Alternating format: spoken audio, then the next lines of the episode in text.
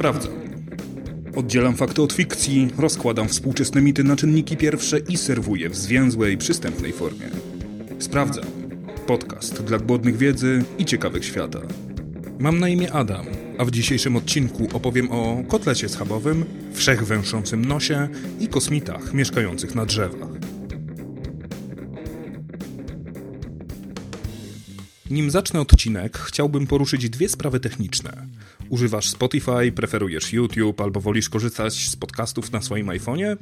Podcast Sprawdzam jest dostępny na większości popularnych platform, a linki do nich znajdziesz na stronie sprawdzam.studio. A nawet jeśli nie chcesz słuchać kolejnych sprawdzamów na YouTube czy na iTunes, będę bardzo wdzięczny, jeśli zasubskrybujesz albo zostawisz ocenę.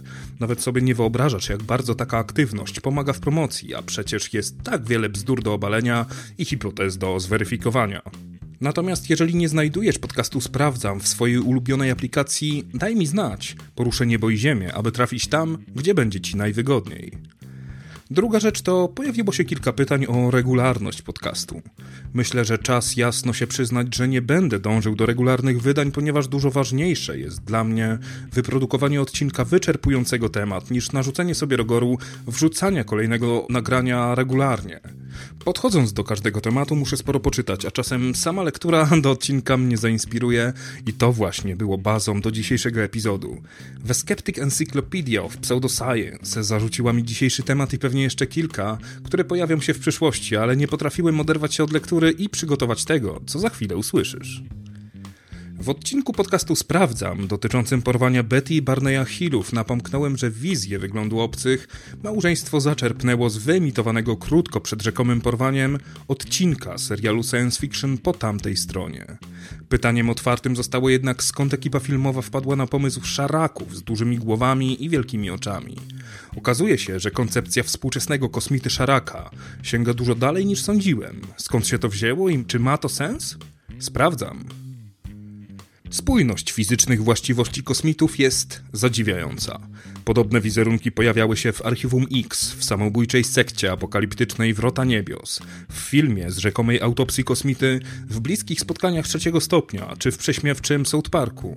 Najwyraźniej koncepcja szarego, łysego kurdupla z przerośniętymi oczami bardzo nam pasuje, mimo że we współczesnej kulturze nie brakuje nam innych pomysłów, choćby obcych z uniwersum Star Treka, czy braci reptilian wymyślonych przez Davida Icka. Dr John Mack, amerykański psychiatra po Harvardzie, a zarazem wielki propagator koncepcji licznych porwań ludzi przez kosmitów oraz autor książki Bliskie Spotkania czwartego stopnia, nazywa szaraki za najczęściej pojawiającą się koncepcją wyglądu obcych, z jaką spotkał się w relacjach rzekomo porwanych osób. Ale nie będę się dziś zastanawiał, jaki cel mogłyby mieć istoty zdolne do podróży międzygwiezdnych w porywaniu ludzi z pospolitej planety, szturchaniu ich igłami i pobieraniu ich płynów ustrojowych. Dziś spróbuję odpowiedzieć na pytanie, czy rzekomi porwani przedawkowali Archiwum X, czy może Archiwum X przedawkowało relacje rzekomo porwanych, czy może jeszcze coś innego. Koncepcja tego, że nie jesteśmy sami we wszechświecie jest stara jak ludzkość i ewoluowała wraz z nią. Przez długie tysiąclecia nie mieliśmy wiele ponad zwykłą wyobraźnię w opisie istot z gwiazd, jak i niewiele informacji zachowało się na tyle, byśmy mogli bez wątpliwości zrozumieć, co autor miał na myśli. Gdy jednak dogadaliśmy się już, co krąży wokół czego w naszym Układzie Słonecznym i można było porozmawiać o innych planetach, nie bojąc się o stryczek za herezję, pojawiły się fantastyczne historie o ich mieszkańcach.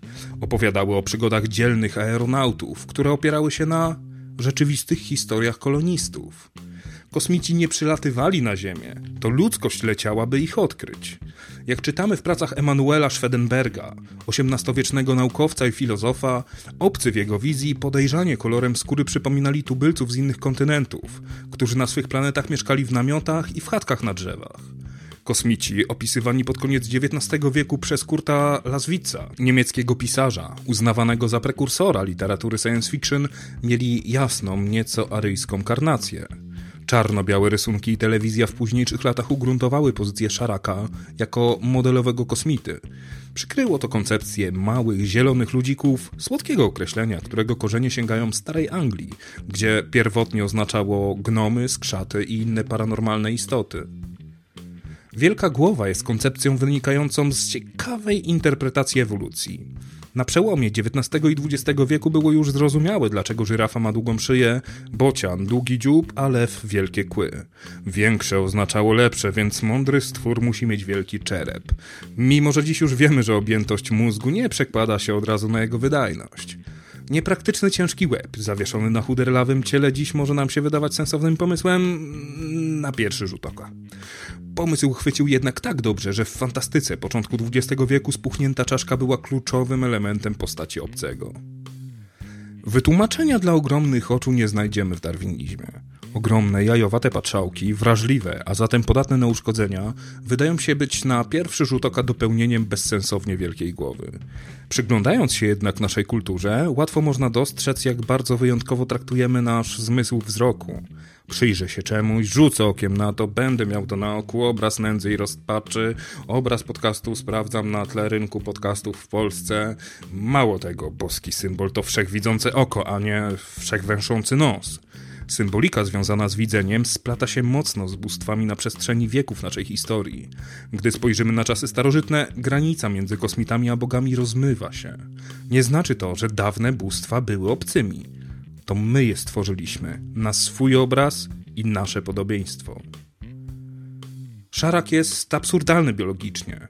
Stąd też zaczęły się pojawiać wyjaśnienia mówiące, że szaraki to roboty stworzone przez inną rasę kosmitów.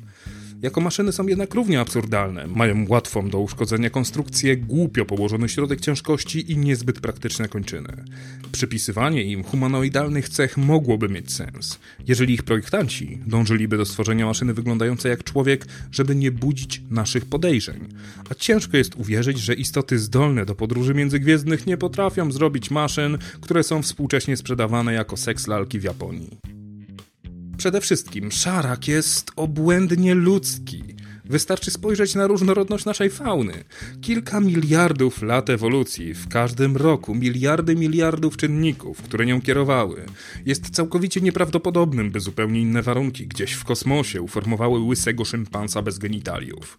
Patrząc na szaraka, patrzymy na siebie samych, na naszą historię i kulturę, na naszych niedouczonych przodków, na naszych artystów pozbawionych wyobraźni.